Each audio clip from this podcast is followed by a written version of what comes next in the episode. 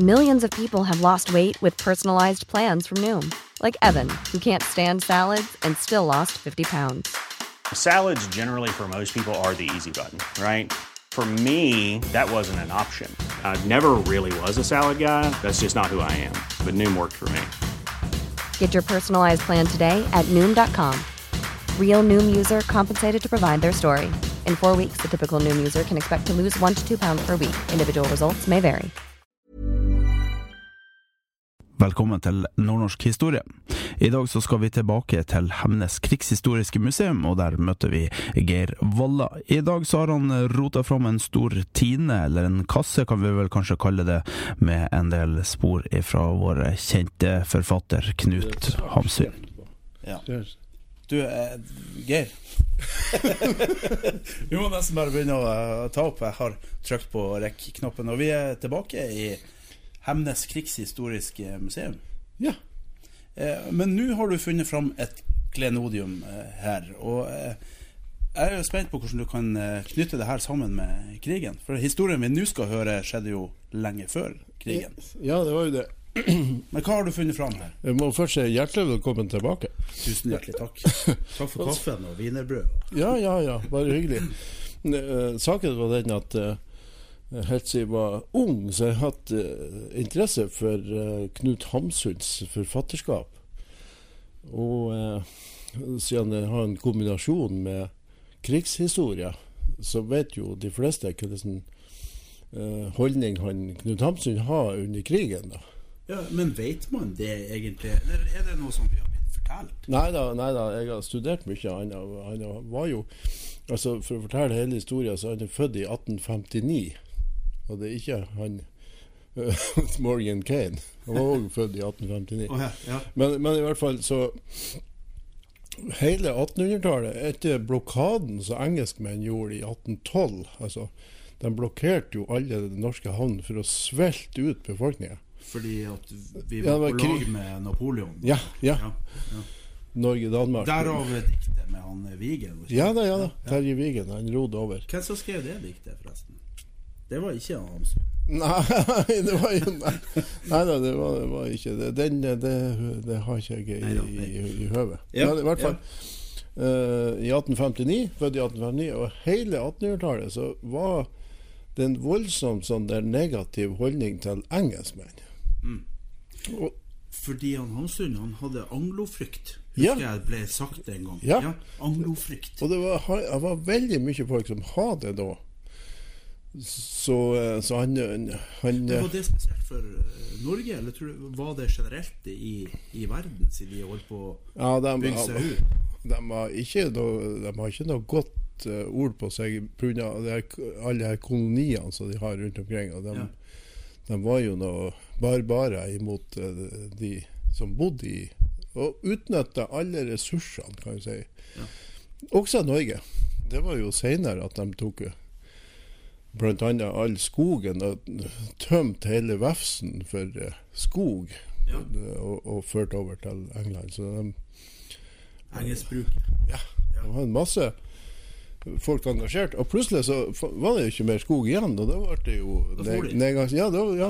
Så det var en ren som, så, så de bruker på en måte Norge som en kolonimakt. Så de Ja. tømte ressursene. Men uh, at det var sånn der et hat imot engelskmenn på 1800-tallet, det er jo kjent. Så han har sikkert fått det inn med morsmelka, det der, der. Han og mange andre, da. eh, Han Knut Hamsun. Kan jeg spørre deg om en ting bare i, i, i det? Fordi at eh, han har ei bok eh, som er generasjonsskiftebok mellom eh, æsene ute på Dønnes. Og det handler litt om det som blir kalla for Rana-rydningen, og det er ganske nært her. Mm, ja. Eh, Det var jo Rana, Sør-Rana det her før. ja. Og eh, der er, er det jo sånn at den eldre generasjonen vil ikke selge ut til staten, fordi at de er redd for at det da kommer til å bli snauhøgd. Det er nok et ledd i det. Men det var aldri nevnt at det er denne familien at han Hamsun skriver om. Men eh, kjenner du noe til det? Nei, dessverre. Akkurat det der kjenner jeg ikke så detaljert om. Det gjør jeg nok ikke. Men det er nok eh, frykt eh, Det vil jo finne natur, det. Ja. av at eh, Boktittelen ramla ut av eh, hodet akkurat. Ja, du har jo Det er noe med koldevindene, i hvert fall. Ja. Ja, du har jo det der Segelfoss by, kanskje det var den. Altså er det den boka som kom før 'Børn av tiden'. Der er det jo uh, det her med, med industrialiseringa av et samfunn. Og, og uh, ja, jeg er jo imponert over hvor mye han greide å få inn i høvet. Han, han beskrev jo en hel by. altså Det, det, det vokste og ble en by, Segelfoss by. altså Men det starta jo med den store elva som rant gjennom, og så hadde de mølle De har jo litt av hvert, altså, som med vasshjul og sånn. Så det var jo godseieren der da, som eide skogen og alt, så han var jo den store mannen. Ja. Jeg vet ikke hvor mye vi skal detaljere det, men vi, vi beveger oss stadig vekk fra temaet. Vi har altså en stor dings eh, stående eh, framfor oss eh, her. Men du, snakka om anglofrykten til, Ja. til Hamsun. og- det er i hvert fall en, en av årsakene til at han eh, ble eh, begeistret for, for, for tysk eh, måte å drive på. Og samtidig når jeg hadde den her eh, anglofrykten, vet du, så ble det så ble det gale under krigen, altså før krigen, så det er nok uh, vet Han var ikke Altså, det her med nas nasjonalsosialisme det, Han var på en måte for gammel. Han, eh, sånn som jeg finner i bøkene, så er det ikke nevnt noe spesielt der. Og det er jo en professor som jeg eh, holder foredrag lag med her fra Tromsø, Universitetet i Tromsø, som også har studert Han har jo brukt et helt liv på å studere bøkene hans Samsung. Og eh, han påstod òg at han kunne ikke finne noe sånn Nei. Direkte nasjonalsosialistisk reklame i, i Sand. Han var, han var begeistret for tysk eh, måte å tenke på. Det var rett og slett det som lå i, i bunnen. Så han ble, ble utnytta av uh, Nasjonal Samling og den tanken om uh, norrøn, altså det her med, med norske. Altså, sånn, at han ble Uh, med, han ble med på den, av den gamle tanken om det her med Så eh, Men han gjorde jo en del dumme ting. Men han var jo så trollgammel, kan du si, i, i 4-45. Det var jo kanskje den største tabben. Jeg kan jo skyte inn at det var en masse Gjerne foreldre som var på Nørholm, altså der som han bodde, at Grimstad, Ja. og skulle ha han til å, å få benåde folk som har drevet på med motstandsarbeid, altså sånn sabotasje som var dødsdømt. Og da Ungdom, ung, ungt folk. Og da var det jo mye Især foreldre som var der og ba for livet for, for ungdommene, så de skulle få han Hamsun til å, å godsnakke med tyskerne. Mm. Så han, han For de respekterte han. Oh ja, han var veldig, veldig ja, Han var jo verdensberømt for Ja. mange år før, da. Så de bruker jo han som en gallionsfigur med alt det, det var verdt. Og han reiste til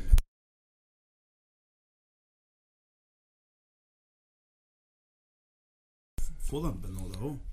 Nei, det var ikke Hitler. Det var, det var en Terboven og, og ledelsen av eh, Flash og, og de her Ja, Og Red, Redis. og- Ja da, men det var, ja, da, men det, var- det var ikke det. Nei, At han, da har han jo han Han, han jeg om du har sett eh, og lest historier om det. Han ble jo rasende. Og for det første så, så var han veldig dårlig hørsel. Han hørte dårlig. Ja. Og så kunne han ikke tysk. Og uh, så kan jeg si Var det i 41 han reiste? Da var han jo allerede begynt å bli en gammel mann. Han har jo levd et helt liv før det som Ja. forfatter og sånn. Og så at han, han uh, gledde seg jo til å reise og møte han Hitler, for det var jo tyskvennlig, som Ja. sagt. Og så kom de inn der, og, og han, Hitler har jo, han var jo så begeistret for forfatterskapet. Han mente at det var veldig godt skrevet. Han- regnes jo med en av de beste forfatterne i verden. Mm. Men han Hamsun han ville ikke snakke om det. Han, for det første så hørte han dårlig, og så måtte han ha tolk for å oversette det som han sa, til tysk. Det var jo et dårlig argument, kan jeg si, at han ikke kunne tysk. Men, men i hvert fall så, så begynte Hitler å bli irritert. Oh, ja. For at han, han uh, Hamsun angrep han pga. noe av den politikken som han Hitler drev. Ja. Og, uh, og han ble mer og mer irritert av Hitler og ikke hørte han hva han sa. Han, han avbrøt han Hitler, og, og, for Hitler skulle liksom skryte veldig av det her, her forfatterskapet. Ja. Og um, han avbrøt han og, og begynte å kverne om det her uh, negative si- siden med politikken hans. Til slutt ble han sint av Hitler. Men hvem som ble sint først? Hitler eller Hamsun? Nei, det var vel uh, Altså, det var vel Hitler, for han eh, Han ble kasta ut, på en måte. Til slutt så Ja. For, for han var, ble, du, Hitler han var en utålmodig mann, og det skulle skje ting hele tida. Og når det var så tungvint, han hørte så dårlig, og det måtte ha tolk og alt det her så, og, og, og han avbrøt han hele tida. Det liker jo ikke han Hitler å bli avbrutt hele tida. Og især når han skulle skryte så forskrekkelig, han Hamsun. Ja. Ja. Så, så han ble kasta ut. så, han, eh, så han var kjempesint, han eh, Hitler. Og han ga ordre til alle i nærheten at det måtte altså ikke forekomme at det kom en sånn gamling flere ganger. så, så det var katastrofe, det møtet. Akkurat. Da var det faktisk bedre med han Goebbels. Han prata mye med han Goebbels. Han har stor respekt for han Goebbels. Og den, den politikken som drev med etter første verdenskrig, så var jo Tyskland helt på kne på felgen. Så at de greide å bygge opp Tyskland såpass fort på 30-tallet Så han har be, bedre uh, respekt jeg skal si, for han Goebbels, for at han var jo propaganda. Ja, propagandaminister. Ja. Ja. Ja. Så det, så, eh, så det var ikke noe uh, suksess, det der møtet der. Nei, riktig. Men tilbake til den her dingsen, altså, for må vi skru, skru tida tilbake. Da kan vi jo kanskje eh, kan vi, ta, kan, vi, kan vi ta, med dette med den tyske tanken i forhold til eh, sentralisering, og, som, gjorde, som, gjorde, at han, Hansund eh, respekterte det holdt jeg på å si? Ja, men det var jo noe som skjedde rundt 19... 15, om jeg skal si det sånn, da var det jo eh, en, i Norge Da var det en politikk at eh, eh, de, de ga statsstøtte til folk som var interessert i å rydde gårder. De fikk, jeg tror de fikk 5000 kroner for å, å bygge opp, rydde en gård og bygge opp. For det, hele politikken var at det, at det var for lite landbruksland. Altså, sånn at, at uh, han var veldig med på den der tanken av. Knut Hamsun. Og derfor så skrev han jo Ja, du kan si børn av tiden da Segelfoss by, så, så, så, så skjønner du hvis du leser bøkene, at han, han er imot industrialisering, at du bygger ned jord og sånn. Ja. Det er for så vidt en tanke som er moderne i dag òg. Ja. Du skal helst ikke bygge ned landbruksjord. Eh, Det, Men det gjør det jo likevel. ja, ja, ja, ja. Og det, det, er jo, det er jo enda større behov for eh, matdyrking. Altså, sånn at det er jo mye sånn. Så det, det er litt interessant, akkurat det der. Ja.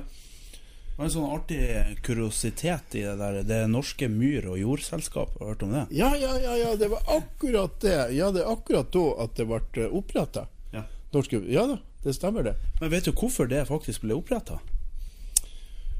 Ja, altså det er jo for å, å drenere myren og så prøve å få omgjort til uh, dyrkbar jord. men det er mulig du vet mer om den der. Ja, eh, akkurat der vet jeg. Eh, Fordi at eh, det ble oppretta av handelsstand, faktisk. Fordi at de mista så mye arbeidsfør ungdom til, eh, til eh, utlandet. De for til uh, reise til sjøs eller uh, reise til Amerika. Ah, ah. Så det var for å demme opp uh, Ja, utvandringa. Ja, takk. Ja, det var, det var Ja, det var ikke jeg klar over. Ja, for jeg trodde at det var Altså, Uansett så, så, så myndigheten, regjeringa da, den, den, de, de laga et fond sånn at det, at det var støtte til å rydde ny jord. Og det er klart at indirekte så ble det jo, som du sier, altså at de vil ha folk til å bli i, i produksjon i Norge istedenfor å fare. Ja. De mister jo mye folk, især når det er voldsomme amerikareisinga der. Det var jo, Ja. Australia Nå var jo ikke Hamsun bedre der, han var jo òg i USA. Ja. han, var jo, han var jo trikkekonduktør i Los Angeles. Oh, ja. Nei, San Francisco. Ja. Ja, ja. Oh, ja. han har bare han har, hvis du leser første bøkene der, så er det utrolig interessant. Men tror du lytterne begynner å lure på hva, hva, hva det er vi står og ser på, eller? Jeg venter på at de skal bli så spente at de nærmest sprekk. sprekk. Men eh, kan, kan du begynne å forklare meg eh, hva er det vi ser? Vi står, det er noe stort og brunt. Det det er noe eh, stort og brunt. Eh, Det er Oddre, og det, saken var den at og alt livet er jo tilfeldigheter, og og det her er det jeg følger med i forbindelse med krigshistorie, så følger jeg med på uh, noe som heter Scanfield auksjoner. ja. I Oslo, ja. Ja. Ja. Og der er, det er jo mye frimerker. De starter jo som frimerke Det er jo filatelister, altså. Ja. Men uh, der er jo både mynter, så kom det mynter inn, og så var det Og så begynte de å ta inn eh, såkalt diverse. Så hvis du går inn på nettsiden og trykker på diverse, så Ja. det er altså så mye skrot og skrammel. Ja. Jeg har noen ting der borte som jeg har kjøpt på Scanfield.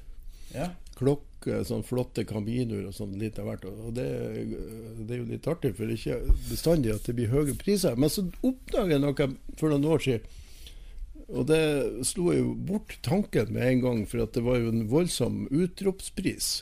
Ja, Vanligvis ja. mange ganger så er det én krone. så er det opp ja. Eureka-auksjoner, de starter på én krone, men her var det altså en minstepris. På Skal jeg si det? Nei, det er opp til deg. Er det mer enn lommepenger? Eh, minstepris 9000. Ja vel, ok. Og det, det ble ikke, det ble ikke noen annen enn meg som, som bydde. Og etter mye, mange runder, og det er pga. at jeg har interesse for Hamsuns, eh, Knut Hamsun og hans forfatterskap og alt, Ja. så ble det så frista at jeg til slutt så fikk jeg ikke sove om natta. Men du måtte ha det. ja, det er bare you, you must. You must have it. Eh, For det, det kan er 40 cm høy og Ja, den sånt. og, og saken var den at når, jeg så bildet på, på nettet, på Ja, så ja. tenkte jeg det var en sånn lite Det er altså Tina det er snakk om her. Ja. Og Tina det er jo ofte sånn som de har smør i og, Ja. og, og sånn. Sånn. Så jeg, tenkte det var sånn ja, du må gjerne vise, men det vises ikke på radio. 20-30 cm. Altså sånn. Og, Ja. så, og, så, og jeg eh, bød og fikk den. Ja. Det var ikke noen annen som bød. Nei, og, Og, så fikk jeg den, og så kom den i posten, og det var jo en huge pakke som kom i posten. Så tenkte jeg, nå av de hatt mye sånn der uh, isolasjon rundt, sånn at det ikke skulle bli skade i Og så jeg åpna opp, vet du, jeg holdt på å få sjokk. Ja. Eh, Det er så svær at jeg har ikke noen plass å, å, å plassere den på en fornuftig måte. og huge, det er anglosk for stor. Ja. Ja. Man må, må ha litt Ja, den er en, den er jo bra rundt en Nå har jeg ikke tomstokk, men rundt en 60 cent høy, og så er den jo en 45 Nei, 50 cm eh, Ja. diagonal.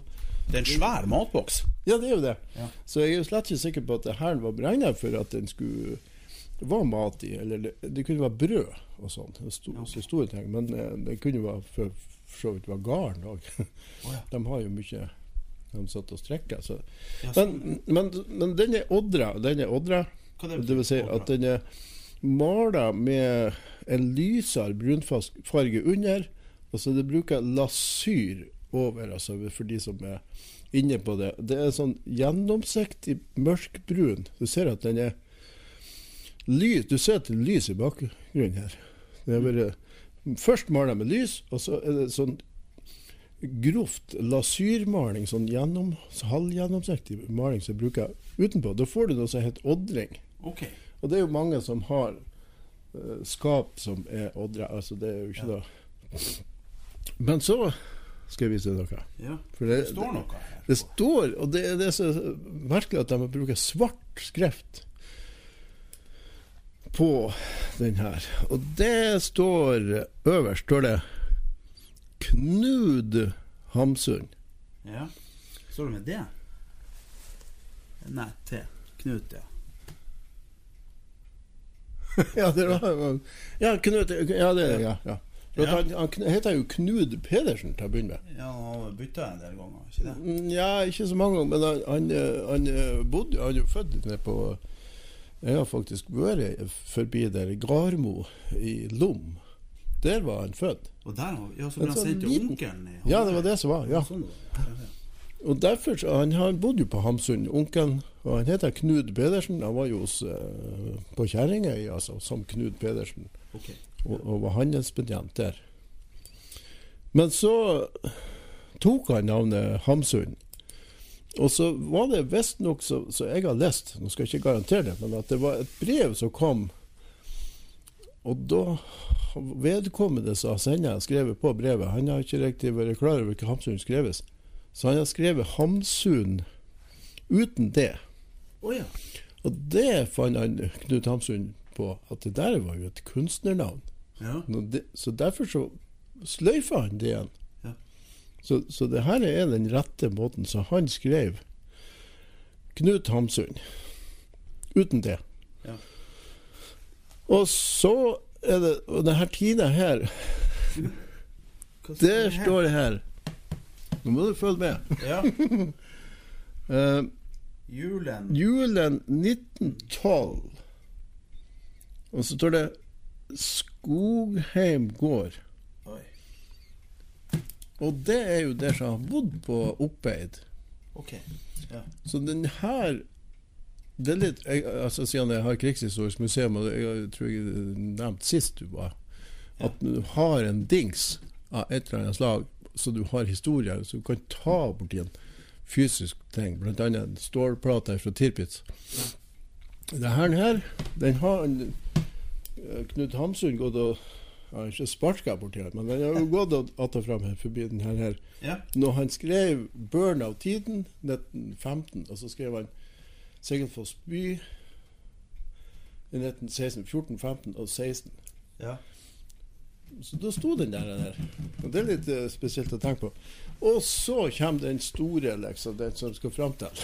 Det vi skal fram til. Ja, og det Nå har vi vi prata halve programmet, vi er ennå ikke kommet til poenget.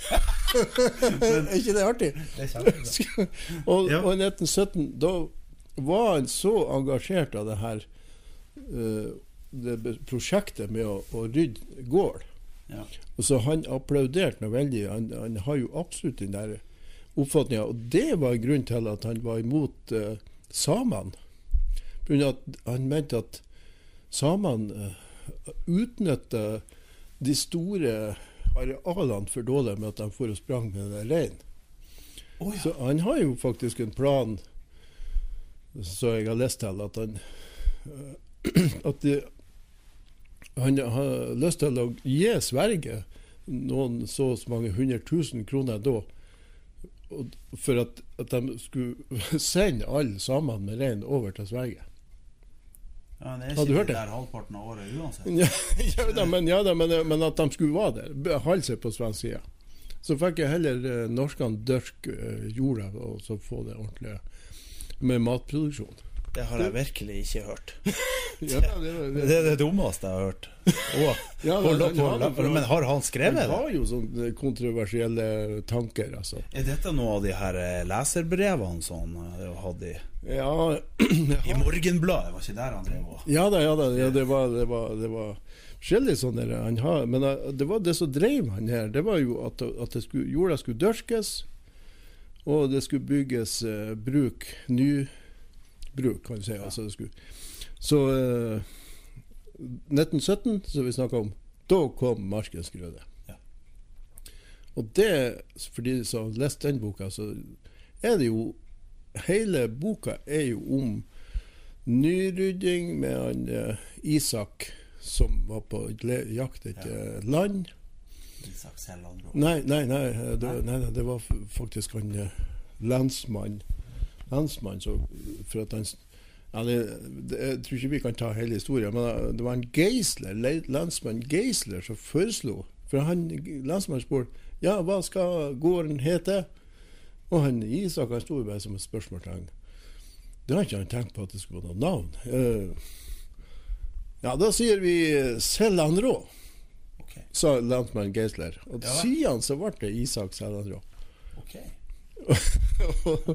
Og, det- det er fornøyelig. eh, Hele, altså, jeg, jeg er veldig begeistret for Det vandrer en underlig gråsprengt en, er ikke det noe sånt? Det... Nei, nei, nei. Rødsprengt, Nei, nei, nå er du over på Ibsen.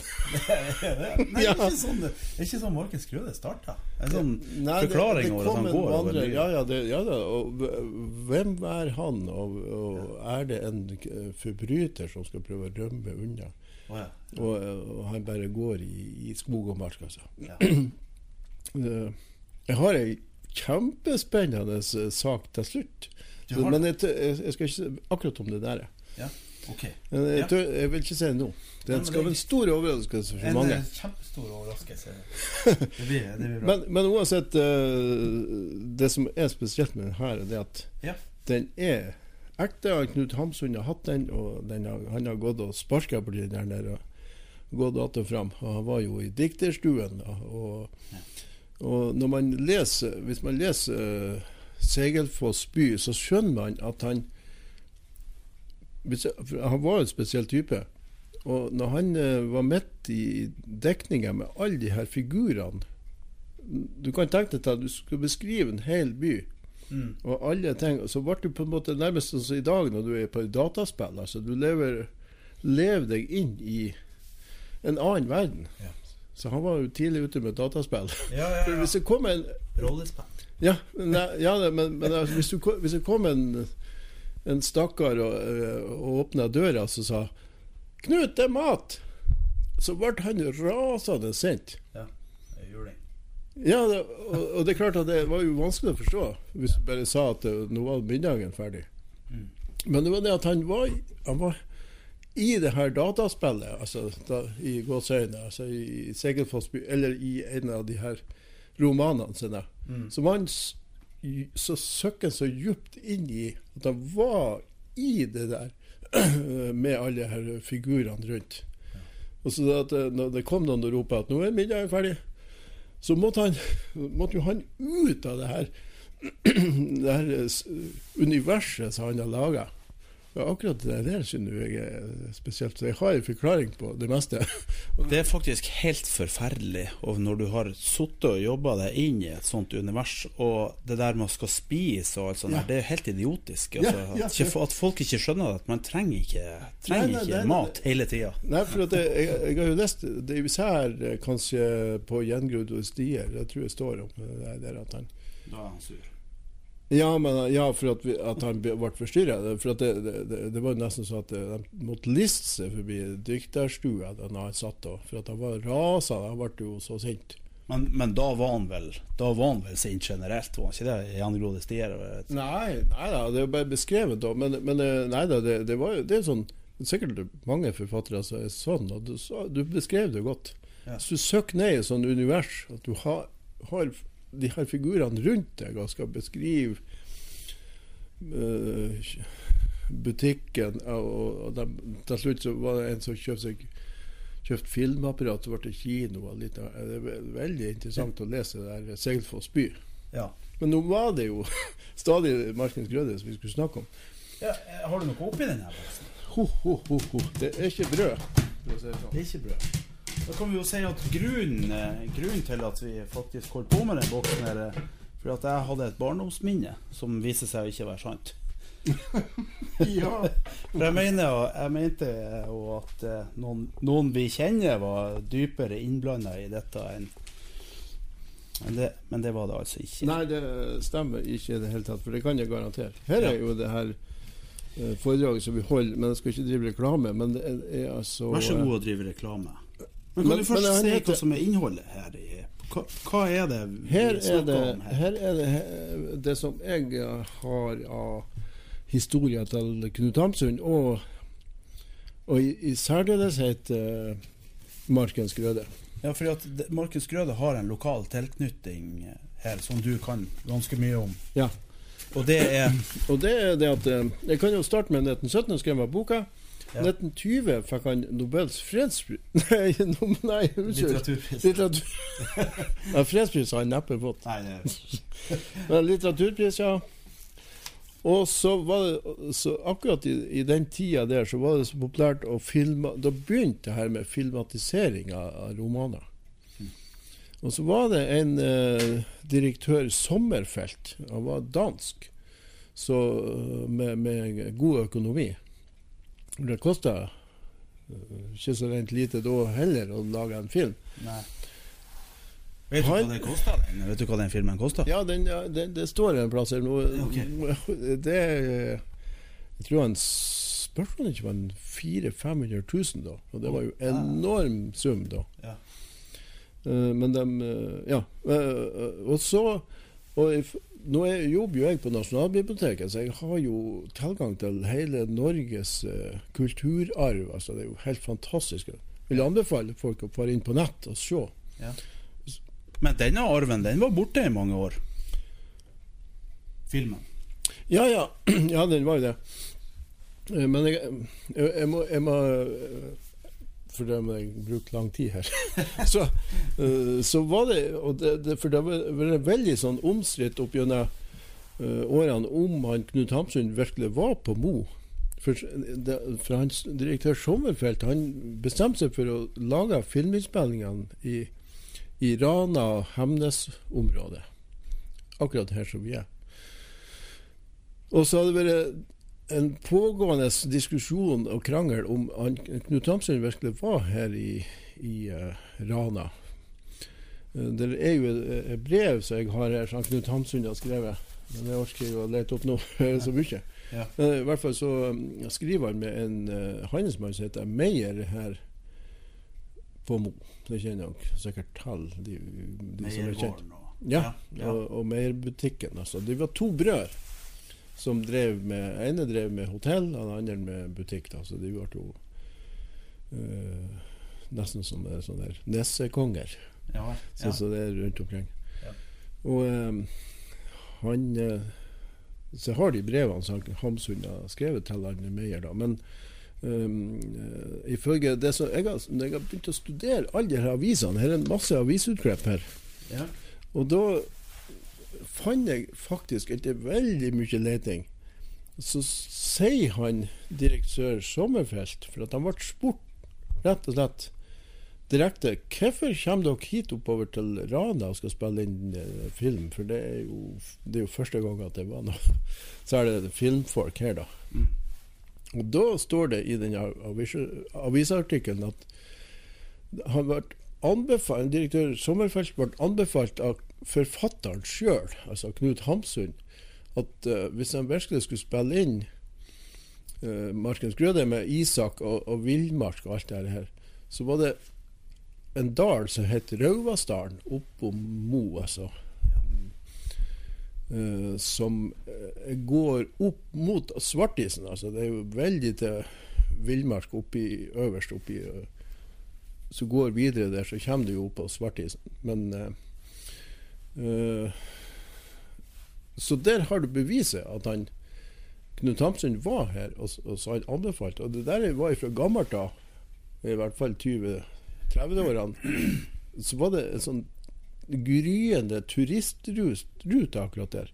For, oss, ja, for Svartisen var et uh, attraksjon, en turistattraksjon. Så det var en, løyp, en, en sti, eller hva skal jeg si, så, så folk uh, gikk. Ja. Så der har han Hamsun vært. Okay. Uh, og uh, så bygde de jo opp uh, den her Selland-rågården. Og det er jo fantastisk. altså de, Det var ikke noen kulisser. Der var det tømrere. Det kan du se på filmen. De driver og- tømmer opp hus. Så senere faktisk et som står, så vi jeg, så senere er i bruk som hus. Og det var øverst i Atne Storrødvann der, og så bodde de jo på gården Storrødvann, der det her filmteamet som kom fra Oslo. Det var jo, det var jo dansker og øh, osloensere, kan man si, som spiller. Ja. Uh, og øh, jeg kunne ha sagt voldsomt mye om det der, men da går jo tida veldig. Men, men jeg kan jo bare si at da, for da stilte han Meyer, handelsmann Meyer, han stilte med hest og vogn og det, for å, å frakte alt det her, det her utstyret, det filmer, det var jo ikke noe lettvektere, de filmkameraene da. Det var ikke noe på vei opp dit. Nei, nei da. Så jeg måtte eh, Så en tur fra Mo sentrum til der så filmsettet var, altså Sellandrå, eller den kunstige gården som ble bygd opp, ja. det tok åtte timer. Å. Tenk på det i dag når vi hiver oss i en bil. Ja. Det går kanskje 20-30 minutter å kjøre. Men da var det at, at det var ikke vei, så måtte de jo ro opp gjennom opp gjennom Rauvasåga, altså Ja. eh, det Rauvassdalen, da. Og så opp gjennom der. Og der eh, så det var et helt styr å så komme seg til settet. Så bodde de som sagt på Storøvann gård. Og der skal visstnok uh, han Knut Hamsun eh, eh, Bevis nummer to at han skal ha skrevet noe på veggene, tømmerveggene der. oh, ja. Men det er, det er platekledd, så det er visst bakom. Men eh, uansett. Men så byggene står der i dag? Ja, det er den gamle gården, altså Storevann gården. Ok. Der så filmteamet bodde, og der står det visstnok i avisartiklene her Man kan finne mye i det, sånne avisartikler. Ja, ja. At det var festing og, og, og styr, vet du. Der. Og så var de øh, Når de var fri, kan du si, det var ikke, det var ikke filming hele tida, så var, det, var de hele filmteamet oppgjennom mot Svartisen der og så etter bjørn. så, så det, det, nei, jeg synes det er artig å lese, som sagt, om det der. Festa de midt i forbudstida? Ja da. Var ikke forbudstid i 22? Det var det oppheva kanskje? Ja, det, men det, det var noe Det var noe så som så med den forbudstida. Det var noe. Ja, det var nok en del som produserte saker og ting oppi Ja. bekkene, vet du. Det var jo populært da. De satt jo, har jo sånne der skjulte Det var jo nesten overalt. Og de har heibrenskokerier oppi bekka. Oh, ja. Så, de, så det var ikke så greit å lage forbud. Nei ja. Men, men eh, hva du kan si om det utstyret som de brukte? Vet du noe om kamera? Ikke så detaljert, men det var, jo ikke De sto jo og og veiva, sveiva, altså. trengte ikke strøm, liksom? Nei da, de har ikke noe aggregat eller noe. Nei. Men det var litt artig, for han, de, han skryter så, han han skryter så veldig av de folkene som bodde på gårdene oppe i Røvasdalen. For at når de skulle spille inn, så trengte de forskjellige eh, bondeklær. Altså sånne. Og, og, og det er ei Tina faktisk som er med på filmen, men det er ikke den her. Så det tror jeg. For det er et sånt bånd på midten. Så den, de fikk låne rekvisitter og klær ifra gårdene rundt. Og de var jo så hjelpsomme, de her eh, bøndene og alle, alle i familiene rundt.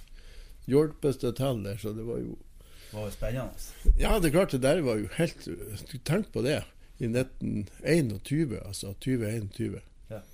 Så uh, kom det filmteam. Det ble, måtte jo bare helt utrolig spennende. og så filmer de jo om jeg skulle skryte litt, så, så var jo Så syntes jeg ikke Mo var noe særlig til plass. For det var jo en liten plass, hvis du sammenligner med Hemnesberget, som var her da. Ja.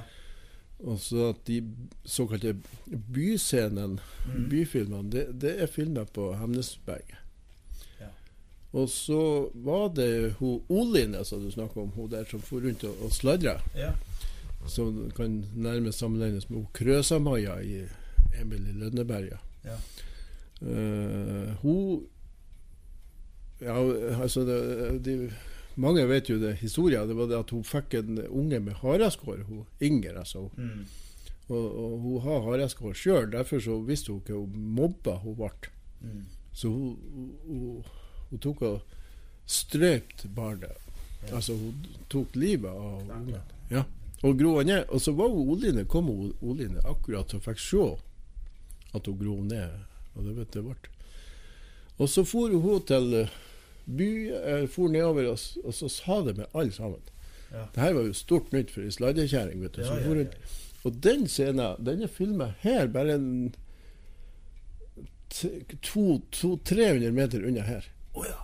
For det, det var ei hengbru som gikk over Rødsåga her på, på den tida, 20-tallet. Ei sånn smal ei, altså, så du kunne Ja. gange over. Ja.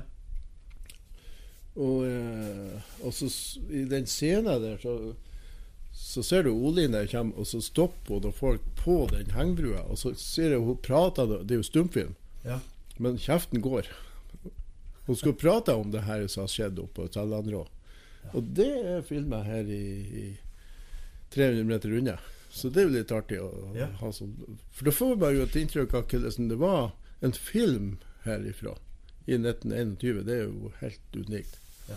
Så den, den, den synes jeg er litt artig. Ja. Som lokalinteressert. Så kan, kan si. Og så er det noen scener som er oppe i Røssåga. Vi snakker om kraftutbygging her sånn. Mm. Men det er en gård som for lengst er helt borte. Alt. Men den gården var da sønnen til han Isak i historia i Markens Grøde. Som, ja. Han Sivert der. ja. Ja. Så han bodde, og så har du det der Stabforsen i bakgrunnen, som da var en turistattraksjon da på den tida. Det var også en sånn turist. Det var mange som kjørte oppover og skulle se, for det er jo Jeg har sett den i full drift. Og da, da, da skålv hele eh, hele grunnen der. Er så voldsomt med, med, med vann Ja. som uh, kommer ned i stabb. Så en stabbe midt i, altså. Det er nokså typisk. En bergnabbe som stikker opp midt i. Okay. Og den er med på filmen òg, altså, med han. riktig. Uh, ja, det var han, nå det. han, han Sivert der, han, han var jo eh, hva skal jeg si eh, blir brorsønnen til henne Nei, nei han, eh, han eh, Onkelen heter også Sivert, og han hadde mye penger. Ja. Så han var fra Korgen. Mm, altså, sånn, nei, du Eller- kan si at det her var jo ikke Det var jo ikke De bare fant en plass som var Ja, men tenk på, for han overtok jo onkel Sivert sitt bruk, var ikke sånn Ja, det var? ja, ja, ja, ja det, sånn sett, ja. For du vet, det, det ble jo veldig mye styr, for at han Han skulle For han Isak, han ble jo eh, telegrafkontrollør. Han, han skulle kontrollere eh, telegraflinja over Det er for så vidt i historien for seg sjøl at det ble bygd telegraflinja over, og den var akkurat der den ble bygd, over Saltfjellet. Så de kom, ingeniør og stikkere med fullt av sånne staker. Så det ser du på filmen. De kommer De kommer til faktisk til den gården. Okay. Sånn, ja. Uh, og så ble han Isak uh, spurt om å være sånn der oppsynsmann for å passe på det her. At det ikke var noen stolper som knektes og sånn. Ja. Og, og senere ute i boka 'Markens grøde' så, så er han litt uh, trollete. Han, han, han, han skal prøve å lure åt seg jobben som For det var jo litt betalt fra myndighetene. Han fikk jo litt betalt for å være oppsynsmann. Ja. Så, så det er jo Skulle han Isak prøve å lure til seg Nei, motsatt.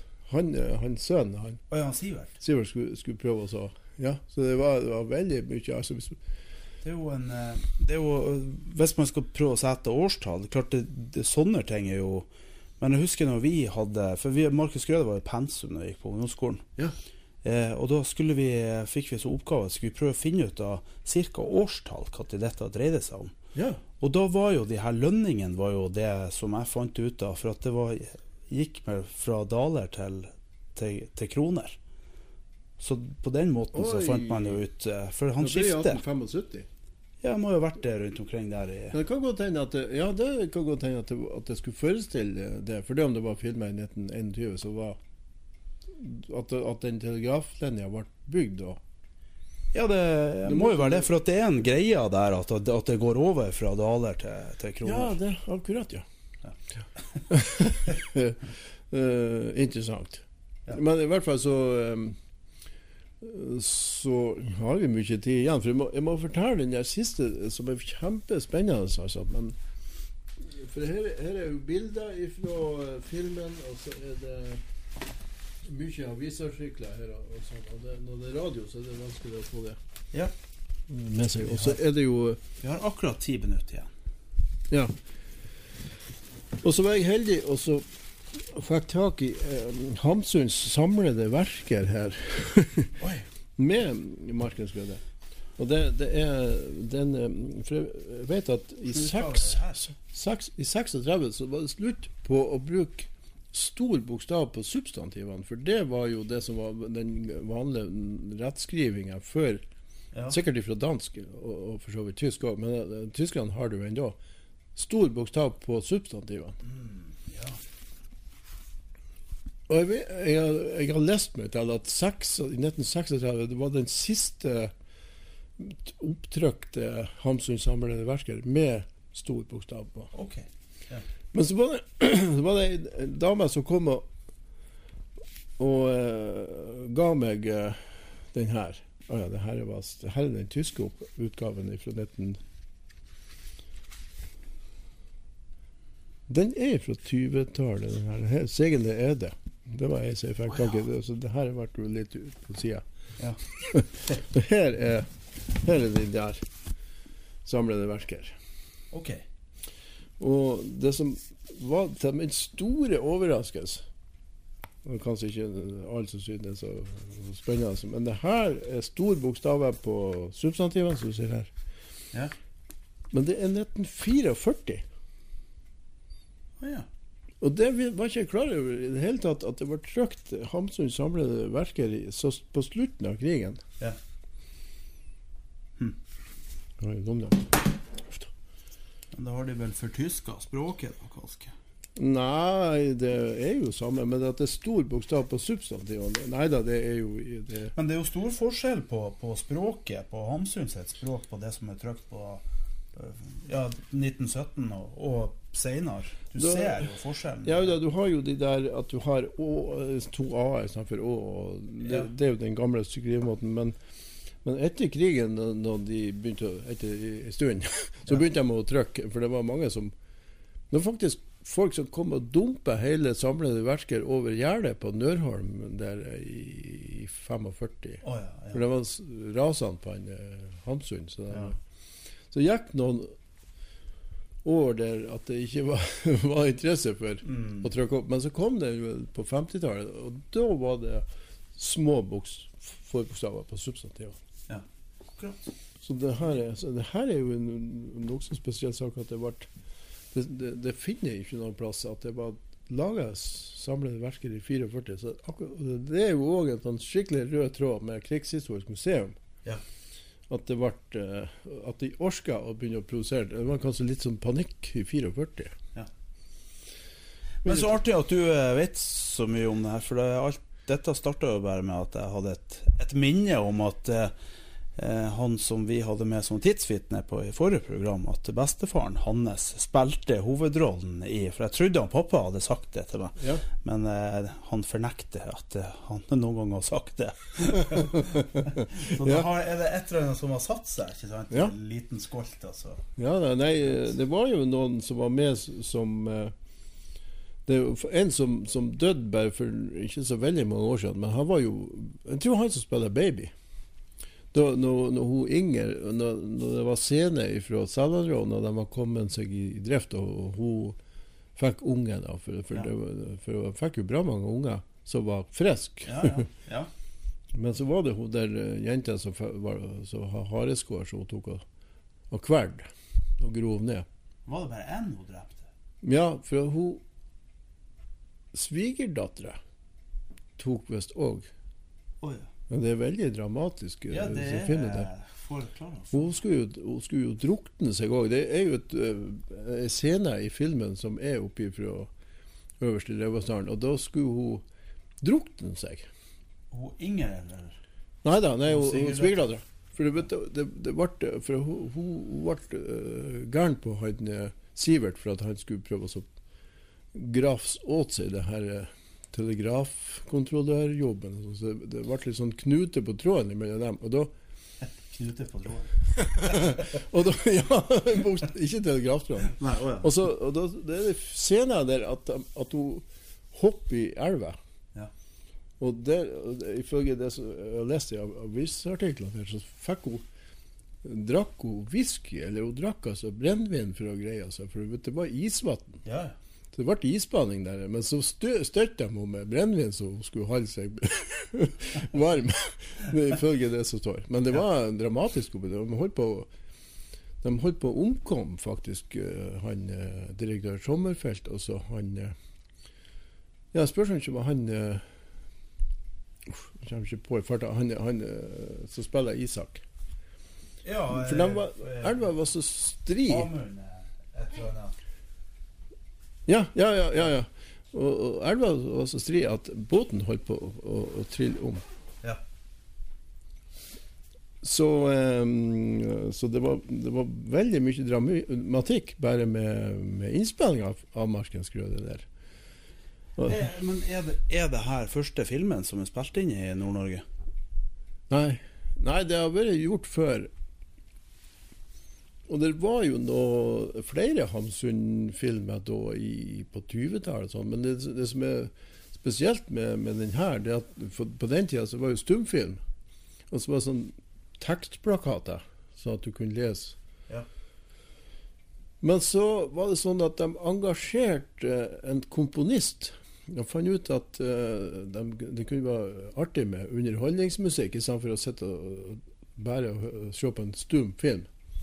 Og det var første filmen i Norge så det ble komponert eh, filmmusikk til. Og det var jo òg når han er så gammel og glømsk Jeg har jo navnet på han. Det er jo en, en ganske kjent Jeg tror han er mars. Han skrev mye marsjer, han der.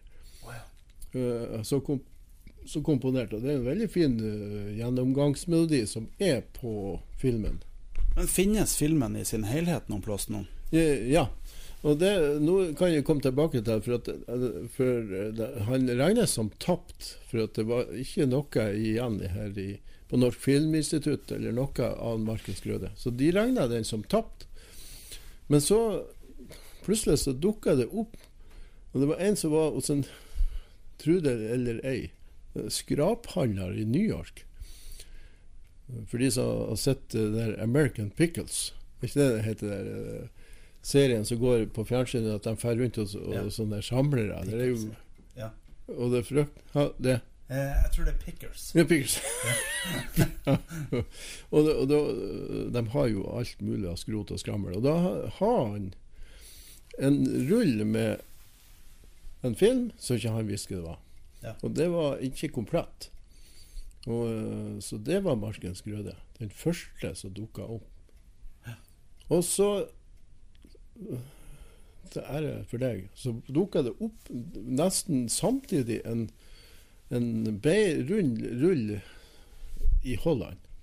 Oh, ja. På Filminstituttet der. Så de plutselig fant Det samme med Nasjonalbiblioteket, der jeg arbeider på filmavdelinga, så dukket det plutselig opp sånne skatter. Så Ja. Og den var nesten komplett, altså. Sånn at uh, når de setter i hop de her to eh, bitene, så ble den nesten Det er vel en, rundt en 10-12 minutter av filmen som mangler. Akkurat. Men den er jo nesten, kan du si. Ja. Forhandlinger og alt er jo med. Og hvor kan man se den filmen i dag? Ja, den eh, Jeg skal se jeg er litt usikker. Altså, vi har jo Den ligger på Nasjonalbiblioteket, for at den eh, ble jo eh, preparert der og ordna og, og digitalisert. Så den eh, Men nå vet jeg at de holder på med nye uh, hjemmesider, eller sånn søkesider. Ja. Så jeg er ikke helt sikker på akkurat nå om du kan se den, altså. Men jeg Nei. vil anbefale alle å se den. Ja. Til og med små unger eh, har jeg eh, hørt noen som på Mo som jeg kjenner. De har visst den gamle stumfilmen. Og små unger skulle ikke tro det, men de, de ble helt paralysert og, og, og vil Jeg må sette den på på nytt! Sett den på på nytt! Og det er jo helt utrolig. Ja. En sånn gammel stumfilm som ikke uh, Så det var jo Det er jo litt artig. Men nå er det kanskje såpass lite tid igjen at jeg må, jeg må ha den der siste. Nå må du ha den siste. Du har ett minutt på det. Ja, uff, oi! Og saken var den at eh, på en turnébuss mellom Toledo og Ja, det var i hvert fall i California, så satt selveste Mark Knopfler i Dire Straits. Han satt og las, for Hamsun var eh, yndlingsforfatteren hans. Ja. Og på den turnébussen der så satt han og las Markens Grøde. Og ble kjempebegeistret, for han har akkurat samme tanken, det her med nedbygging av dyrkbar jord og sånn. Og her begynte jo han å komponere. Og så ble det en, en, eh, en av de mest kjente melodiene til, Mar til Dire Straits. Er det Brothers in Arms? Nei, Okay. Telegraph Road. Oh, ja. Og det er litt artig å tenke på at er, de bygde jo telegrafen altså, over yeah. Skjærfjellet. Yeah. Og, og den het Telegraph Road. Og den eh, eh, Der har du i åpnings... Hvis du spiller den, den finner du overalt. Yeah. På Spotify og alt. Så eh, lytt til åpningsmiljøet, så sier de- sier han Mark Knopfler There is a man going on a track looking for with a, eh, with a sack on his back. Looking, altså akkurat det her åpningssetningen som er i Markens Grøde, Ja. det finner du i den der Telegraph Road. Fantastisk. Ja, det, det, altså, det, altså, det jeg, har, jeg har jo utstilling på Nasjonalbiblioteket her om Ja. det her. Og vist filmen, og ha den her Tina med, som folk fikk se, og så alt det her med de her avisartiklene. Og originalbladene, avisene, har jo vi. Ja. Om historier om filmatiseringer. Og så spiller vi Telegraph Road. For vi har mastertapen master inni Mofjellet til Dire Straits ma, eh, Telegraph Road. Så spiller vi den. Og det altså Det var, det var i hvert fall 99 av de som kom. De har aldri hørt den historien der. Nei. At han var knofler. Så den er verdensberømt, den. Heller eh, aldri hørt. Tusen hjertelig takk for eh, nok en fantastisk nordnorsk historie. ja. Takk sjøl, takk. Jeg lærte jo òg noe nytt. Ja, det er jo ikke verst. Planning for your next trip? Elevate your travel style with Quince. Quince has all the jet setting essentials you'll want for your next getaway, like European linen, premium luggage options, buttery soft Italian leather bags, and so much more. And it's all priced at 50 to 80% less than similar brands. Plus, Quince only works with factories that use safe and ethical manufacturing practices. Pack your bags with high-quality essentials you'll be wearing for vacations to come with Quince. Go to quince.com slash trip for free shipping and 365-day returns.